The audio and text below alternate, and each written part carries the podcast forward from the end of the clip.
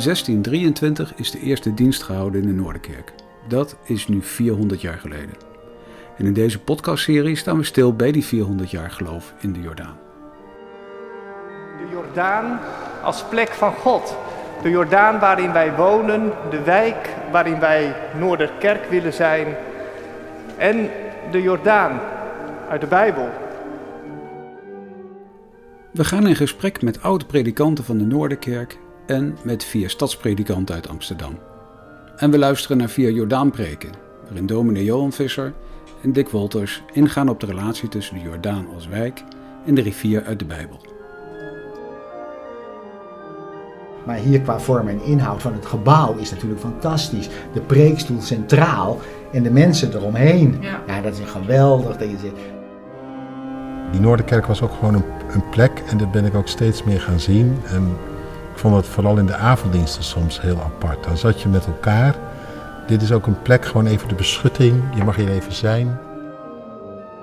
Is dat je merkt dat bij gemeentes wel langzamerhand nu het bewustzijn ontwaakt uh, wat de waarde van het gebouw in die zin ook is. En ik denk dat het ook een teken van God is midden in de Jordaan en in de stad. Dus gewoon voor, voor mensen die, ja, je, je ontkomt er niet aan. Er is een kerk. Zeg maar.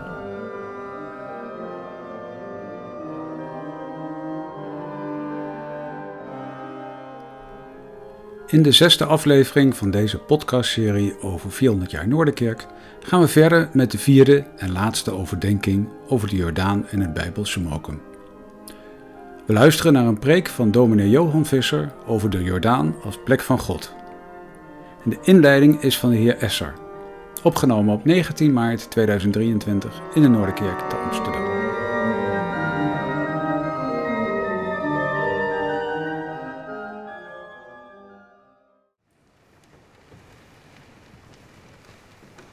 Vanavond zijn we in deze vierde verdiepingsdienst voor het laatst bij het water van de Jordaan. En ook, nou ja, niet voor het laatst, bij de Jordaan hier in, uh, in Amsterdam. In het kader van deze verdiepingsdienst over de geschiedenis van God in de Jordaan. Als we stilstaan bij 400 jaar Noorderkerk, dan is het goed om te beseffen dat we niet de enige kerk zijn in de Jordaan. En dat er een hele geschiedenis van kerk, van God, in de, in, uh, ook in deze wijk van, uh, van Amsterdam uh, is. En ik ben daarom heel blij dat de heer Maurice Essers in ons midden is. Hij heeft een tijd in de Jordaan gewoond en was betrokken bij de Onze Lieve Vrouwenkerk aan de Keizersgracht. Onze dichtstbijzijnde katholieke buren, denk ik. op dit moment woont u helemaal in het zuiden van het land en dus alleen maar mooi dat u hier gekomen bent. U bent ook uh, betrokken bij de stille omgang die afgelopen uh, zaterdag uh, was in de, in de stad. Een van de katholieke bedevaarten hier, hier in Amsterdam. En bij de stichting Katholiek Erfgoed in Nederland. En u heeft ook nou ja, veel studie gemaakt van de geschiedenis van de katholieken in de stad. En ik ben daarom heel blij dat u vanavond iets wil vertellen over ja, wat die katholieke kerk hier in de Jordaan heeft gedaan. Onze broeders en zusters, misschien soms broeders en zusters waar we wat uh, gebrouilleerd mee waren, maar uh, tegelijk wel broeders en zusters in het geloof. Dus ik geef u graag het woord om iets te vertellen over de, de katholieken in de Jordaan.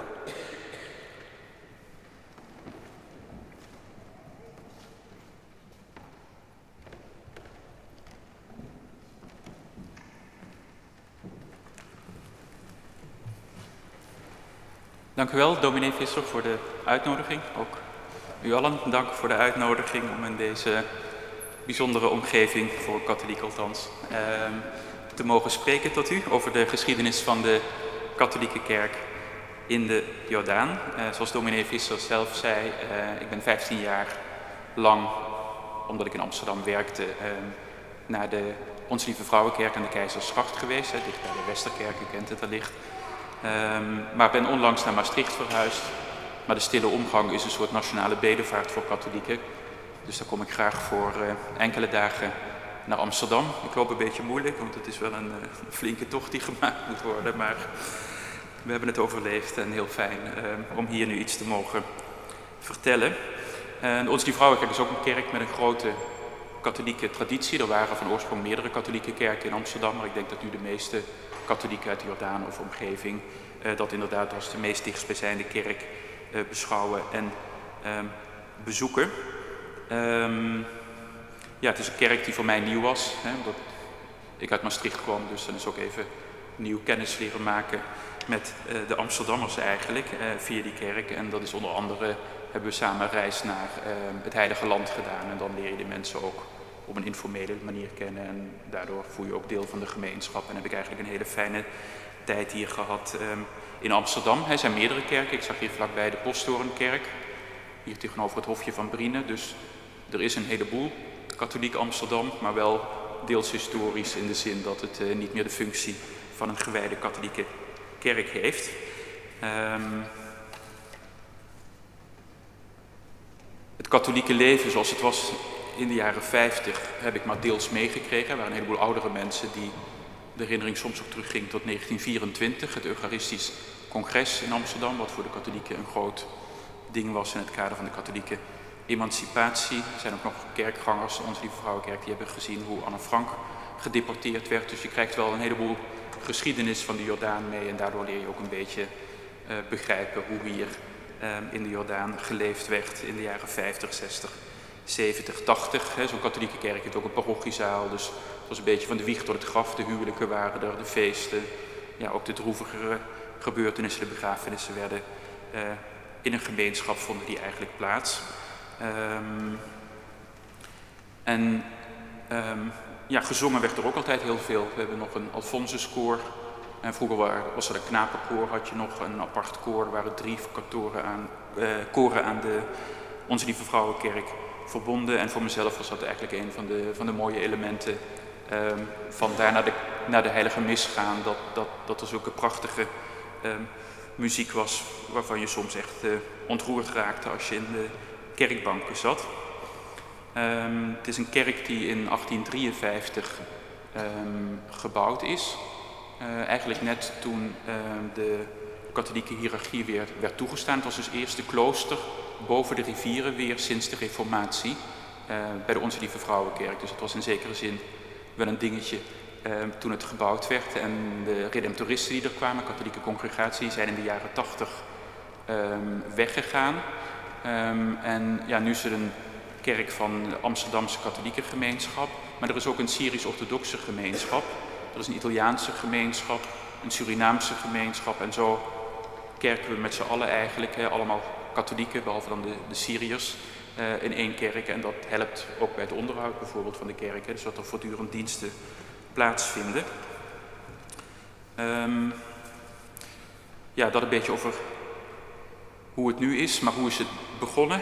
Hè, het, uh, in het begin uh, voor de katholieken was er het mirakel van Amsterdam, 1345. Dus dat gaat best wel ver terug. En dat is wat we gisteren herdacht hebben door de oude middeleeuwse processieroute van Amsterdam te lopen, zoals, zoals die um, tot de reformatie gelopen werd. Dus via de Kalverstraat, de Nieuwe Dijk en dan steek je over naar de Oude Zijde, Warmoestraat en de Nes. En uiteindelijk kom je in het Begijnhof terecht, wat een beetje het centrum van het katholieke leven ook in de binnenstad um, steeds is geweest.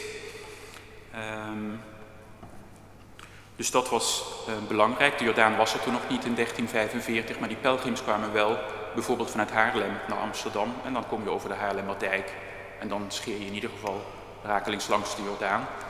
Dus dat, dat is een nog wat ouder verband dan het eerste echte religieuze gebouw, het Kartuizerklooster. Dat in de Noord-Jordaan gebouwd is in 1392. Hè. Het was de tijd van de moderne devotie. Toen in Amsterdam meer dan twintig kloosters uh, in een eeuwtijd gebouwd zijn. En het Kartuizerklooster was het, uh, het, tweede klooster dat gebouwd werd. Het was toen nog buiten de stadsmuren. Dus dat was wel kwetsbaar in de zin dat als er ramp en tegenspoed was, dan lag het eigenlijk relatief onbeschermd. Uh, maar het was wel een relatief uh, rijk klooster. Het werd gesteund door de rijkere Amsterdamse burgerij en door de graaf van Holland. Die hebben eigenlijk de middelen verzameld samen om dat klooster um, in 1392 te kunnen bouwen. Er kwam een grote bibliotheek, er werden boeken geschonken aan het klooster en de monniken uh, konden gaan studeren ook in de universiteiten die er die tijd waren. En de lage landen waren die er nog niet, dus ze moesten naar Parijs of Heidelberg of naar een andere universiteitsstad gaan. Dus het was ook een soort centrum van kennis, denk ik, dat Kartuizer klooster eh, voor de stad Amsterdam. Um, en ja, het is natuurlijk een paar eeuwen geleden, maar wat, er was een paar jaar geleden een tentoonstelling van um, Jacob van Ossane, de schilder. Een prachtige tentoonstelling eigenlijk in het Amsterdam Museum. En er was een schilderij dat uit Napels kwam. Dat hangt in het museum in Napels. En dat was afkomstig uit het Kartuizerklooster. En dan zie je een, uh, de geboortescène, dus kerstmis uh, van Christus. En op de voorgrond zie je de familie Boelens. Dat was een van de katholieke families uit de 16e eeuw. En op de achtergrond zie je een zee, maar het zou ook het ei kunnen zijn. En die familie Boelens, daar waren leden van ingetreden in dat Kartuizer klooster. En Margriet Boelens heeft in 1512 dat schilderij aan het klooster geschonken. Dus dat ja, is wel een bijzondere gedachte dat er in Napels bene een schilderij hangt dat in, eigenlijk in de Jordaan thuis hoort. Uh, maar goed, alleen in het kader van die tentoonstelling mocht het schilderij weer een keertje naar ons hier uh, in de Jordaan komen. De Carthuizers was een uh, katholieke orde en eigenlijk hadden ze um, als bijzonderheid dat het klooster bestond uit kluizenarijen. Dus elke monnik had zijn eigen kloostercel, maar ook met een tuintje erbij. Dus had je eigen huisje eigenlijk. En al die huisjes bij elkaar van de monniken vormden het klooster. Dat is wat anders dan de meeste andere kloosters uit die tijd hadden. Daar had je niet je eigen huisje zozeer met een eigen tuintje erbij. Um, en heel lang is dat de enige religieuze plek van, van de Jordaan geweest, gewoon omdat de rest van de Jordaan polder was. Dus het was dat gebouw en voor de rest stel ik me voor wat sloten. De Haarlemmerdijk, die was er natuurlijk al vroeg. Uh, maar dat was het dan ook. Uh, tot eigenlijk aan uh, de reformatie, toen het begon te schuiven. De beeldenstorm hebben we in 1566. En toen is het Kartuizerklooster um, eigenlijk al relatief snel geplunderd omdat het onbeschermd buiten de stadsmuren lag. Het is ook in de 80-jarige oorlog in brand gestoken en de Kartuizers hebben toen het klooster moeten verlaten. Dus uiteindelijk heeft die plek een andere functie gekregen. Um, en hebben we nu nog de Kartuizerstraat. Volgens mij zie je nog wel dat er een plein is. En in 2008 zijn er wat opgravingen geweest waarbij inderdaad de muren van dat uh, oude klooster zijn teruggevonden. Um, maar goed, met de reformatie en de groei van Amsterdam, dan ontstaat eigenlijk pas de Jordaan zoals we hem nu kennen. Hè, zoals u ongetwijfeld zult weten met uh, de grachten en uh, de straten. En toen is die religieuze samenstelling natuurlijk veranderd. Er is wel altijd een katholiek deel gebleven in Amsterdam. Ik denk constant, 17e eeuw, 18e eeuw, 19e eeuw. Ik schat 25% van de bevolking. Nou, dat waren Amsterdammers die niet uh, protestant werden, maar er waren ook katholieken die juist naar de republiek kwamen. Dus zelfs uit uh, Vlaanderen waren er niet alleen protestanten die vluchten naar het noorden, maar er waren ook katholieken bij. Dus het is toch altijd een mix geweest, denk ik, van uh, immigranten en van oude Amsterdammers. En die 25% katholieken, en ik vermoed dat dat in de Jordaan ook een beetje de samenstelling zal zijn geweest, hè, dus dat het een wat grotere minderheid is geweest, die kerkten in die tijd in hun schuilkerken. Um, en opvallend vind ik eigenlijk dat er tientallen schuilkerken waren, maar er was eigenlijk bijna geen enkele die in de Jordaan stond.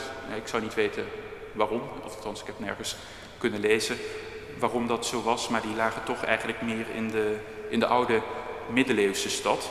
Het centrum was het Begijnhof eigenlijk, omdat daar die gemeenschap van Begijnen bleef ook in de uh, gereformeerde tijd uh, bestaan.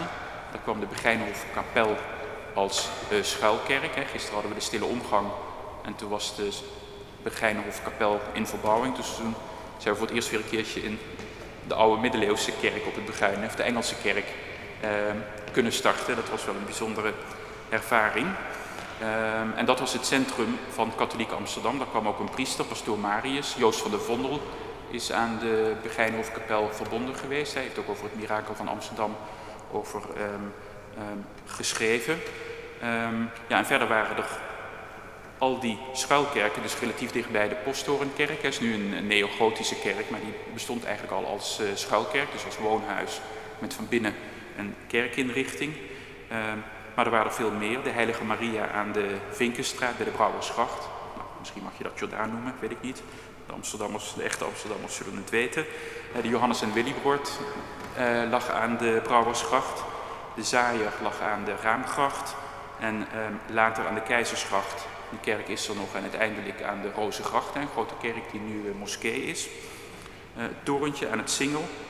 Um, en zo waren toch een heleboel katholieke schuilkerken hier in de omgeving. En die werden ofwel uh, dat er een priester was um, van een religieuze orde. Hè, dus waren Augustijnen, Jezuïeten, uh, Dominicanen, Franciscanen die naar Amsterdam toekwamen. Of wereldheren, dus priesters die niet verbonden waren aan een van die congregaties. En het werden eigenlijk al snel in de 18e eeuw rijk gedecoreerde kerken ook. dus het, het idee van een schuilkerk Ehm, verdween toen een beetje omdat iedereen wel wist waar die schuilkerken waren. werden verdiepingen doorgebroken en het werden van binnen eigenlijk hele mooie kerken. Alleen aan de buitenkant bleven ze wel uitzien als een woonhuis. Dus weinig katholieke kerken, maar wel veel katholieke instellingen. Dus je kunt wel echt een, een leuke katholieke wandeling eh, door de Jordaan maken. Je hebt het katholieke jongensweeshuis. Dat is nu een theater aan de Lauriergracht. Eh, dat heeft eeuwenlang eh, het maagdenhuis aan het uh, spui was voor de katholieke meisjesweeskinderen, maar voor de jongens wezen um, was er aan de Lauriergracht het weeshuis. En er waren een heleboel hofjes. Hier aan de overkant het hofje van Briene. Maar er zit 18 zoveel, dus dat is niet een van de oudste. Uh, maar het was het Sint-Andrieshofje uit 1614 aan de Eglantiersgracht. Het Hamers- en Bouwershofje aan de Marnixstraat uit 1885, dus dat is ook wat jonger. Het Moenshofje 1636 aan de Vinkenstraat het Zeven Keurvorsthofje aan de Tuinstraat, het Nieuwe Suikerhofje. Uh, eigenlijk allemaal hofjes zoals ze denk ik ook in de protestantse gemeenschappen waren. Uh, met kapel, regentenkamer. Dus nou vermoedelijk leek het wel een beetje um, op elkaar. En dat is de toestand zoals die tot 1800 bestaan heeft in de katholieke wereld. En vanaf 1840, 1850, ja, toen werd de kerkelijke hiërarchie toegestaan. Dus er kon er weer een katholieke bisschop komen. Toen mochten de kerken ook weer het uiterlijk van een kerk hebben. Dus toen kwam er nieuwbouw en toen veranderde eigenlijk het, uh, het uh, katholieke Amsterdam, zou je kunnen zeggen. Toen kwamen er ook congregaties, dus een soort kloosterorders uit Brabant en Limburg naar Amsterdam, om onderwijs en zorg te bieden. De eerste katholieke school is in 1840 in, aan de Elandschacht gekomen. Dus toen nam het eigenlijk een hele hoge vlucht, wat we nu de katholieke emancipatie noemen. Um, en daar vind je ook heel veel sporen van uh, terug in de Jordaan. Ik las in Parool van vorig jaar, werd gesproken over het Vaticaan van de Jordaan. Had ik nog nooit zo gehoord, maar um, dat is ook bij de Lauriergracht. Want er kwamen ook twee Amsterdamse congregaties, de Broeders van Amsterdam en nog een zustercongregatie. En in de Lauriergracht vind je een groot uh, katholiek complex um, dat ook nog doorloopt aan de achterkant. Ja, richting de Hazenstraat moet dat zijn. Um, dus voor die katholieken ja, kwam er eigenlijk een heleboel um, tot stand. Hè. Liefdewerk Oud Papier is een uitdrukking die jullie misschien ook kennen. Dat is een katholieke vereniging die in Amsterdam aan de Bloemgracht is uh, opgericht. En die tekst was er heel lang zichtbaar, misschien nog steeds. Um, dus er kwam een heleboel caritas, dus eigenlijk activiteiten om de armere mensen te helpen, onderwijs, zorg en dergelijke. En er kwamen ook nieuwe katholieke kerken. In de Jordaan is de Tichelkerk aan de Lijnlandsgracht. Daar kwamen paters Kapucijnen, dus nu een Russisch-orthodoxe kerk. Um, en er is nu uh, nog een klooster van de zusters van uh, moeder Teresa de Eglantiersgracht. Het zijn blauwe zustertjes die de aller, allerarmste mensen in de Jordaan helpen. Vaak migranten die ja, s'nachts door uh, de wijk dolen en ergens ja, eten, slapen. Dat zijn de basisbehoeftes die ze daar kunnen krijgen. Um, en toen, ja, toen, toen heeft het katholicisme zich echt kunnen ontwikkelen. Aan de Rozengracht kwam eigenlijk de grootste kerk van de Jezuïeten, wat nu de moskee is. En die werd gekocht, dat was eerst de Sociëteit Constantia, waar de socialisten hun uh, hoofdkantoor hadden. Dus dat was in die tijd waar de, de oproer uh, gekraaid werd, om het even negatief te zeggen. Um, en daarachter woonde een belangrijke persoon voor katholiek Amsterdam. Dat was Johannes Roodhaan. Uh, die woonde uh, aan de Laurierstraat. En hij werd de overste, de belangrijkste uh, geestelijke eigenlijk van de Jezuïeten wereldwijd. En dat was een ja, Amsterdamse jongen die misdienaar is geweest in de Krijtberg. En de Jezuïeten waren verboden, ook vanuit Rome, uh, rond 1800. En die mocht, kon alleen maar voortbestaan in Rusland. Dus hij heeft in Polen en Rusland heeft hij moeten bivakeren. Totdat in 1814 uh, de Jezuïeten werden, weer werden toegestaan. Um, en in 2008 is er een reliekschijn, hè, eigenlijk voor zijn uh, aanbidding in de Krijtberg gekomen. De kerk kent u denk ik ook wel. Ehm, ehm, waar hij zelf eigenlijk begraven is in de hoofdkerk van de Jezuïeten, Il Gesù in, in Rome. Um,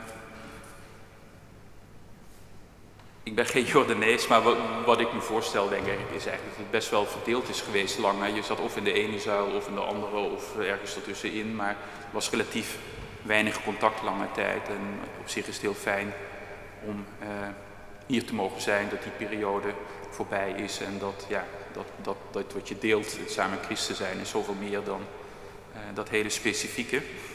Um, na de Tweede Wereldoorlog ja, is de periode van secularisering gekomen. Voor de katholieken is dat denk ik met name uh, in de jaren 60 heel sterk gegaan. En nu na COVID zie je ook het kerkbezoek eigenlijk helaas uh, teruglopen. Waardoor op dit moment de Ons Lieve Vrouwenkerk denk ik de belangrijkste kerk is voor de katholieken die um, in de Jordaan of in de omgeving daarvan um, resteert. Dus dat, ja, dat is de kerk waar ik mee begon, uh, waar ik zelf lange tijd naartoe heb mogen gaan. Um, ja, en als je dan het, het, het, het geheel overziet, dan um, vind ik het moeilijk om nou iets te zeggen over wat nou katholiek is aan de Jordaan of wat Jordaans is aan het katholicisme hier. Um, in zekere zin misschien ja, de liefde voor elkaar. Tenminste, je voelt wel een beetje dat, dat, dat veel mensen in armoede zijn opgegroeid en, en wel echt voor elkaar geven. Ik heb lang gecollecteerd en dan zie je vaak dat de arme mensen, ik mag misschien niet zeggen, maar meer geld aan de kerk geven dan de rijke mensen. En dat heeft me altijd verbaasd. Maar dan zie je dat er ja, toch een grote solidariteit um, is um, in de Jordaan geweest. Um, en die zal er allicht uh, nog, nog, uh, nog steeds zijn. Of in ieder geval, dat hoop ik. Hè. We zitten nu natuurlijk in een tijd van individualisering, uh, van grotere welvaart. En dan zie je wel dat, uh, dat de dingen veranderen. Hè. Dat het, samen van wieg tot graf feesten vieren en rond dat kerkgebouw het leven delen. Ja, dat, dat, dat is nu wel anders dan het 20, 30, 40 jaar um, geleden was. Nou, misschien nog tot kort, tot slot, uh, de stille omgang. Hè. Die was gisteren. Toen hebben we herdacht um, een katholieke martelaar, een heilige, Titus Brandsma. Uh, dat is een karmeliet die in 1942 in Dachau um, gestorven is. Um, en um, hij is al vrij vroeg uh, door de Duitsers opgepakt. Eigenlijk voor iets, zou je denken, relatief onbenulligs. Omdat de bezetter verplichtte de kranten, waaronder ook de katholieke kranten, om advertenties van de NSB op te nemen. En de aartsbisschop heeft toen Brandsma gevraagd, ga maak een rondje langs de kranten om te peilen van als we dat zouden verbieden, hoe dat zou vallen. En dat is de Duitsers eh, ter oren gekomen. Maar goed, hij was ook al eerder actief, omdat er maatregelen waren dat Joodse kinderen eh, niet meer op katholieke scholen mochten zijn. En daar heeft hij zich ook ingespannen om dat eh, tegen te gaan. En hij is iemand die eigenlijk in gevangenschap veel met dominees die ook slachtoffer waren van de nationaal-socialisten opgetrokken. Dus ik vond het mooi om net uh, in de kamer hierachter te zien, of ja mooi, het is natuurlijk tragisch, dat uh, dominee Jan Koopmans ja ook een van de mensen is die, die een slachtoffer uh, is um, geweest van de Tweede Wereldoorlog. Um, maar goed, in die geest van katholieken en protestanten die in, in zulke barre tijden wel samenkwamen en elkaar steunden, um, is in ieder geval heel fijn om hier uh, vanavond te mogen zijn, bij jullie te gast. En ja, het was ook fijn voor mij, want ik was even te gast vier dagen in Amsterdam om weer even door de Jordaan en de stad te mogen lopen langs de vele mooie monumenten van uh, katholiek en protestants leven, waaronder uh, ook deze hele mooie Noorderkerk. Waarvan het heel mooi is om een keertje van binnen te zien, hè, want van buiten is het leuk met de markt erbij, maar uh, nu heb ik ook een beeld hoe het is om hier ter kerke te gaan. Dus heel veel dank. Nou, in de notendop is dat een beetje wat ik wilde vertellen over het katholieke leven in de Jordaan.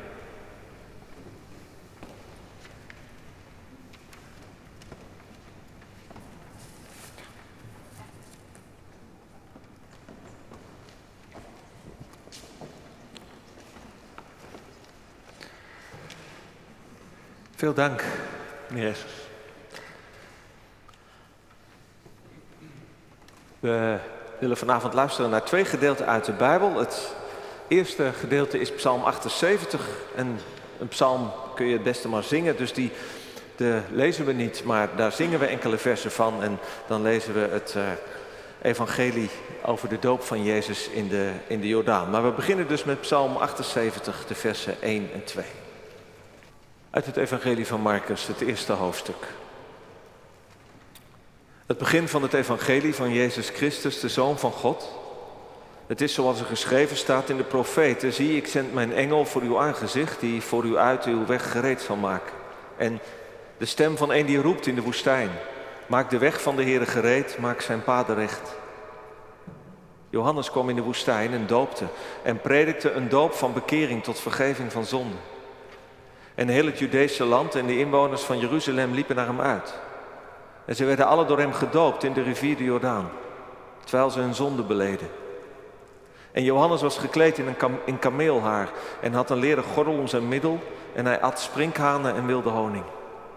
En hij predikte en zei, na mij komt hij die sterker is dan ik, bij wie ik het niet waard ben neer te bukken en de riem van zijn sandalen los te maken.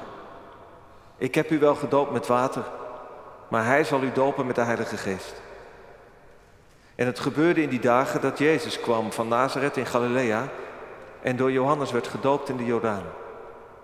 En meteen, toen hij uit het water opkwam, zag hij de hemelen scheuren en de geest als een duif op zich neerdalen. En er kwam een stem uit de hemel. U bent mijn geliefde zoon, in wie ik mijn welbehagen heb. En meteen dreef de geest hem uit de woestijn in. En hij was daar in de woestijn veertig dagen en werd verzocht door de Satan. En hij was bij de wilde dieren en de engelen dienden hem. Talig ben je als je het woord van God hoort en het bewaart. Gemeente van Jezus Christus. Hoe gaan we om met het verleden? met alles wat er is gebeurd. En dat kun je heel klein houden voor je eigen leven. De jaren die achter je liggen. De familie je, waarin je bent opgegroeid. Wat je hebt gedaan, wat er is gebeurd. En wie je daardoor bent geworden. Ja, hoe kijk je terug op, op je verleden, de jaren die achter je liggen? Of dat er nu veel zijn of weinig. En dat geldt natuurlijk ook in het groot. Wij hebben een verleden. Een land heeft een verleden, een stad en ook een buurt als de Jordaan. En met dat verleden kun je heel verschillend omgaan. In onze samenleving is het verleden vandaag een onderdeel van de cultuurstrijd in ons land. En ik denk dat het altijd wel zo zo gebruikt is. Je gebruikt het verleden om je eigen positie, je eigen overtuiging te bevestigen en anderen te bestrijden. En dan kun je het verleden een beetje met een houding van morele superioriteit bekijken. Hè? De, het idee van wij zijn beter, wij weten het nu beter vandaag. En dan, dan, ja, dan beoordeel je wat er allemaal mis is gegaan. En dan kun je zelfs bepaalde mensen cancelen. Of je kunt het verleden juist ophemelen. Omdat je zoveel mogelijk van wat er nu is aan de bestaande cultuur wilt behouden. En dat je het gevoel hebt dat alles wat je wordt afgepakt, dat mag niet. Of omdat je een beetje terugverlangt naar vroeger. Dat kun je natuurlijk als kerk ook doen. Dan zouden we kunnen zeggen rond ons jubileum, 400 jaar Noorderkerk. Kijk eens, door de eeuwen heen zijn we toch maar gebleven. En we leggen de nadruk op de helden, Jan Koopmans, en de tijden van bloei. Of we kunnen ook veel kritischer kijken. Met de nadruk op wat er is misgegaan. De tijden dat het heel erg mager was in de kerk. Ook qua geloof en inzet voor de buurt. Maar denk ik, wie vanuit geloof naar het verleden kijkt, kan anders kijken. Moet denk ik ook anders kijken. En dat geldt wel, zowel voor je eigen leven als voor het verleden van je kerk of het land.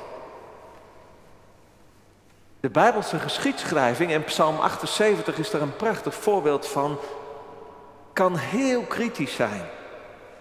Voor je gevoel bijna te kritisch, te eerlijk over het volk van God. Je moet de hele psalm nog maar eens nalezen. En dat geldt niet alleen voor Israël, dat geldt ook over Jezus' leerlingen. Hoe ongelooflijk kritisch de evangeliën zijn over, over Petrus, uiteindelijk de, de eerste man van de kerk. En tegelijk kan de Bijbel ook ontzettend mild zijn en, en, en trots en dankbaar voor alles wat er in het verleden is gebeurd. En dat je dat allebei kunt doen, heeft volgens mij alles te maken gewoon met God. Want het is ten diepste niet de geschiedenis van Israël of van de kerk. Het is niet mijn eigen levensgeschiedenis als gelovige. Maar het is de geschiedenis van God. Die zijn weg gaat. Met zijn volk. Met de kerk. Met mij. En God gaat die weg. Vaak heel genadig en geduldig. Met alles wat, wat, wat er ook misgaat. En natuurlijk, er zijn momenten dat het geduld op is en dat er iets breekt. Maar eigenlijk keert God altijd wel weer terug. En uiteindelijk zijn het die roemrijke daden waar we, waar we over zongen met Psalm 78. Die, die gebeurtenissen, die grote wonderlijke daden van God. Waar we Hem voor loven en prijzen, die het echte verschil maken. Die zijn onze hoop onze vrede. Die bepalen onze identiteit, wie we zijn. En die zijn onze toevlucht. En ik moest denken, dus al dat gezwaai met vlaggen, wat we vandaag ook weer zo doen. rood, wit, blauw, of op zijn kop blauw, wit, rood. Of de regenboog, of blauw-geel. Of aan de overkant van de, van de oceaan, de Stars and Stripes of, of de Europa-vlag of de Davidster. Dat heeft natuurlijk alles te maken met geschiedenis en met onze identiteit, met die vlaggen, met die vlaggen zwaaien. Nou, ik zeg zwaai gerust, met welke vlag dan ook. Maar besef wel, de handen die die vlag vasthouden zijn mensenhanden. En wij mensen, wij hebben vuile handen. Allemaal. Welke vlag we ook met welke vlag we ook zwaaien. En dat besef, dat is misschien best wel even slikken. Zeker als je met je vlag zwaait, omdat je diep overtuigd bent dat je ergens voor strijdt wat goed is. Maar het is ook bevrijdend, denk ik. Erg bevrijdend. En gezond voor je ziel en voor een samenleving. En als je echt gelooft in God, dan kun je toch ook met een gerust hart dat zeggen. Ons land, onze kerk, onze beweging, mijn familie, mijn leven, het is mensenwerk. Want uiteindelijk gaat het niet om ons, maar het gaat om God. En de God die grote wonderlijke dingen. En vaak ook hele kleine, gewone wonderlijke dingen doet. Soms heel duidelijk en helder en vaak stilletjes en verborgen. En van die daden van God leven wij. En moeten we het hebben. Ook wij vandaag. En dan kijk je dus ook anders naar het verleden. Ja, wat deed God? Waar merk je iets van, van wat, wat, wat, wat God heeft gedaan? Waar zien we Gods hand? In de Jordaan, al die 400 jaar. Nou, dat hebben we nu al drie diensten, is de vierde gedaan. Op allerlei manieren is zoeken van waar, waar, waar was God aan het werk? Want de Jordaan was en is ook een plek waar God woont is een mokum van God. En dat is zo grappig natuurlijk, want dat is niet de eerste gedachte die, die, die mensen hebben. De Jordaan, in de verbeelding van de gemiddelde Nederlander, ja, dat is de, volksbuurt uit het levenslied van, uh, van Johnny Jordaan en Tante Leen en Willy Alberti. Bij ons in de Jordaan. Maar de Jordaan was niet minder een plek van God. God die in de levens van mensen en in de stad komt en werkt. Het evangelie van Jezus Christus, zo lazen we, begon ook niet in de tempel, maar begon bij de Jordaan. Bij een rivier, in de wildernis, in de open lucht. En daar verschijnt Johannes met zijn kameelharen mantel en zijn wonderlijke dieet. en zijn, rare, en zijn radicale, compromisloze boodschap van bekering. En zijn doop als teken van omkeer. En daardoor wordt de rivier de Jordaan wordt een soort van openbare wasplaats. Waar mensen zich laten wassen en schoonmaken. Zodat ze klaar zijn voor het nieuwe begin van God. En het is daar bij de Jordaan dat Jezus voor het eerst in het openbaar verschijnt. En daarin het vervuilde water. En dat is niet vervuild door de chemische industrie of door ons plastic, maar het is vervuild door de net gewassen zonde van het volk. Tussen de mensen die hun, hun ziel en hun levens laten wassen in het water van de vergeving, in een nieuw begin, daar, daar daalt de geest van God neer en, klinkt de stem van, van God, jij bent mijn geliefde zoon. En die ene mens, zijn haren nog nat, het water in zijn ogen, tussen de zondagen in de Jordaan, is God in ons midden. En die heeft de goddelijke geest, de goddelijke geest van leven gekregen, die ons kan wassen en opkalefateren en, en vullen met liefde en vuur. Nou, ik begrijp wel dat ze dat goed nieuws noemen. Nou, en dat goede nieuws, dat heeft vanaf de stichting van deze stad hier aan de monding van de Amstel geklonken. Want zo oud is de stad nog niet. Een stad dus altijd in, op Christ, in christelijk gebied. Nou, en meneer Essers vertelde het, hè, nog voordat de Jordaan hier als wijk werd gebouwd, leefden en baden hier 170 jaar lang de Karthuizer monniken. En toen deze wijk werd aangelegd, verrees al heel snel deze kerk. En er waren ook altijd andere kerken in de Jordaan. De Rooms-Katholieke schuilkerken, maar ook gebedshuizen van de kwekers en van de doopsgezinden. En er waren al die hofjes voor de behoeftige gelovigen van allerlei smaak. Allemaal een soort van huizen van God.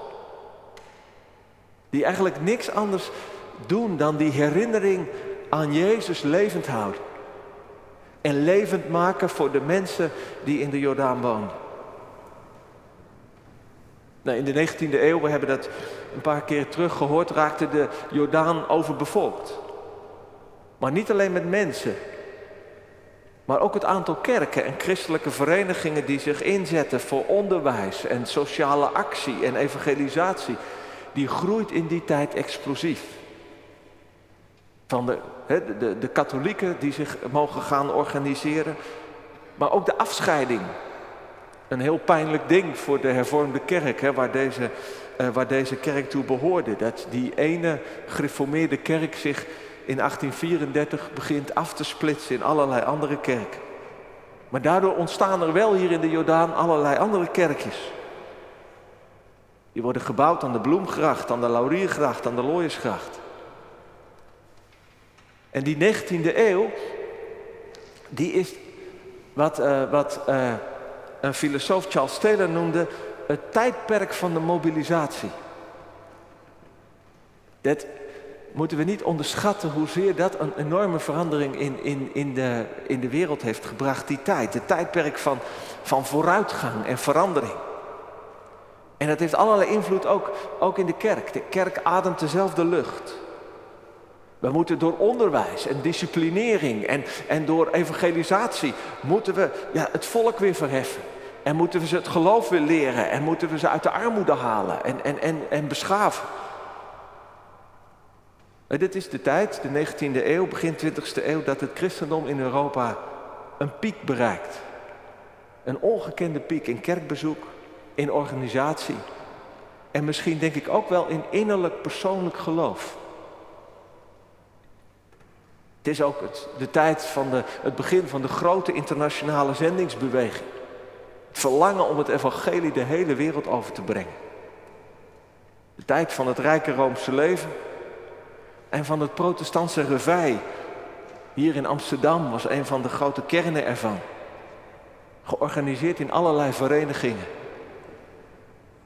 Ik las dat in het Koning Willemshuis, dat is in de Egelantierstraat van dominee Adema van Scheltema, waar we eerder over hebben gehad, de dominee van de Jordaan. kwamen er soms 700 kinderen op een zondag naar de zondagschool. 700 kinderen. Het is de tijd dat de bekeerde Jood, meester Isaac da Costa, zijn bijbellezingen aan de Rozengracht hield. En de tijd dat Vincent van Gogh hier kwam om zich voor te bereiden op zijn theologiestudie. En de kerken afschuimde op zoek naar woorden en ervaringen van God. Als je maar even bij de geschiedenis, deze geschiedenis stilstaat, dan, dan begint het je te duizelen. Ongelooflijk, die fascinerende, die bruisende en ook die chaotische geschiedenis van Jezus. Door de eeuwen heen. En natuurlijk, het is mensenwerk. Al te menselijk soms en verbonden met de tijd. En voor ons soms vandaag misschien ook niet meer helemaal goed te begrijpen. Of wij denken, nou ja, het is wel heel anders dan Jezus het toch bedoeld heeft. Maar het is ook het werk van de grote en kleine wonderlijke daden van God. Die levens van mensen raakt. En hoop en kracht gaf. En hen in beweging zette. Zodat hun hart en hun portemonnee openging voor anderen. En ervoor zorgde dat ze kerken en scholen en weeshuizen en kloosters en hofjes gingen bouwen. Dat zijn ook de roemrijke daden van God in ons verleden. Die we niet vergeten. Maar die we ons dankbaar herinneren. En in die zin is het mooi dat we er echt zo'n jubileum van hebben gemaakt. Omdat het ons helpt om, om die geschiedenis te herinneren. Als de geschiedenis van de grote daden van God. En dat we die ook weer door, doorvertellen aan, aan de nieuwe generaties. Want ook hier in de Jordaan was het dus niet alleen maar, alleen maar ellende en, en sociale strijd. En was het ook niet alleen gezelligheid met een lach en een traan. En het was niet alleen de geschiedenis van de vooruitgang en de verandering. Maar God was er ook aan het werk. Al die eeuwen door heeft het evangelie van Jezus Christus hier geklonken. De psalmen die we vandaag zingen, die, hebben die zijn hier oneindig gebeden en gezongen. En hoeveel zullen er hier gedoopt zijn? En het avondmaal of de Eucharistie hebben gevierd. Zo is het evangelie, wat, wat begonnen is. In het jaar 30 ongeveer, daar bij dat Bijbelse riviertje de Jordaan, is, uh, is al die eeuwen doorgegeven. En natuurlijk, dat waren menselijke handen en harten en monden die dat hebben gedaan. Verdeeld en gebroken. En soms met hele vuile handen, maar toch. En al die eeuwen zijn de Jordanezen geraakt door Jezus. Talloze mensen die, waarvan wie wij de namen natuurlijk al lang zijn vergeten. Ja, er zijn er een paar die zijn zo bekend geworden of hebben zulke bijzondere dingen gedaan, die vergeten we niet. Maar de meeste zijn we al lang weer vergeten, maar dat geeft niks. Dat waren mensen die in hun kleine leven hoop en houvast bij Jezus vonden. Die in de kracht van zijn geest zich bekeerden en die zich gingen inzetten om goed te doen. In hun eigen kleine omgeving en in hun buurt. En te leven in geloof en dienst. En dat ook weer doorgaven aan de nieuwe generatie na hen. En dit verhaal over de Jordaan vertellen wij ook door. En dat is denk ik goed om, om dat ook tegen onszelf te zeggen. De Jordaan is niet alleen van Johnny, maar is ook van Jezus. Kijk, en de Jordaan is daarin natuurlijk niet uniek. Want dit is gewoon het verhaal van Europa. Van ons continent. Waar God ooit is verschenen. En eeuwenlang zijn sporen heeft achtergelaten. En dat verhaal moeten we blijven vertellen, gemeente. Ook aan onze vergeetachtige tijdgenoten. Die de geschiedenis en de wortels van, van Europa nauwelijks meer kennen. Voor wie het Koning Willemshuis bijvoorbeeld slechts een monumentaal appartementencomplex is. Een teken van de verjupping van deze buurt. Ik zat even te googelen van de, van de week. In dat Konings Willemshuis ja, dan kun je nu voor 5000 euro per maand kun je een prachtige luxe loft huren. Maar dat was, niemand weet natuurlijk meer dat dat een van die plekken was waar 150 jaar geleden Jezus in woord en soep, in liefde en bekering in de Jordaan op, opdook en werkte onder al die mensen die daar waren. De kinderen, de armen. Laten we dat verhaal dus vertellen, maar ik stel voor dat we dit niet nostalgisch vertellen. En daar bedoel ik mee dat verhaal van, oh, maar dat was de goede oude tijd. Toen waren er nog heel veel christenen en heel veel kerken. Dat is dan een beetje het verhaal van de grote afval, hè, van de, de kerkverlating. En ik heb het wel vaker gezegd volgens mij. Dat verhaal hè, van de grote afvallen of van, van de ondergang van het avondland. Dat is geen christelijk verhaal. Dat is een heidens verhaal. Een Germaans verhaal. Dat is het verhaal van, van onze hele verre voorouders. Voordat hier ooit het evangelie geklonken heeft. Dat is het verhaal van doemdenken en het verhaal van bloed en bodem. En het verhaal dat alles ooit een keertje in elkaar stort en dan zal het wel weer eens nieuw gaan beginnen. Het is geen christelijk verhaal, geen evangelie. Natuurlijk, er is heel veel verloren gegaan aan kerk en aan geloof. En daar kun je heel verdrietig over zijn. Ja, er zijn hier in de Jordaan ja, eigenlijk nog maar drie of vier kerken als je de Keizersgracht meetelt over. De orthodoxe kerk aan de Tichelstraat. Simon de Looier aan de Looiersgracht. Deze kerk. En dan laten we voor vanavond de Onze Lieve Vrouwenkerk aan de Keizersgracht er ook bij nemen. Vier. En natuurlijk, er zijn nog wat kleine gemeenschappen. En, en, en het heil is er ook nog, tot heil des volks in de Willemstraat. En het is ook goed om net als met Psalm 78 kritisch te kijken naar, naar hoe het komt dat het zo gegaan is. En wat onze rol daarbij is als kerk en gelovigen. Waarin zijn wij opstandig geweest? En niet gehoorzaam met onze verdeeldheid, onze lauwheid, ons ongeloof. Maar ik denk juist als je zo kijkt naar de geschiedenis, dan leidt dat niet tot doemdenken.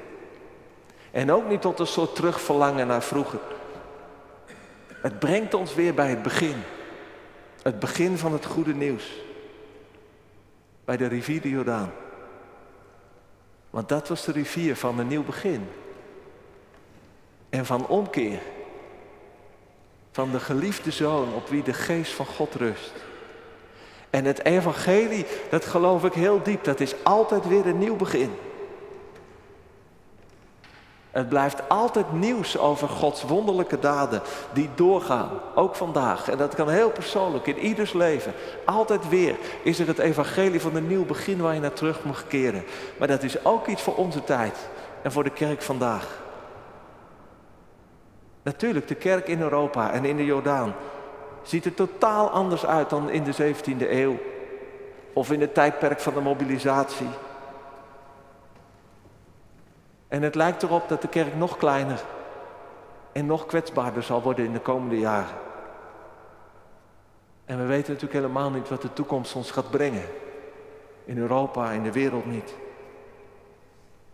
Maar juist daarom, denk ik, gemeente, moeten we de Gods roemrijke daden dat evangelie van God die grote dingen heeft gedaan blijven doorgeven.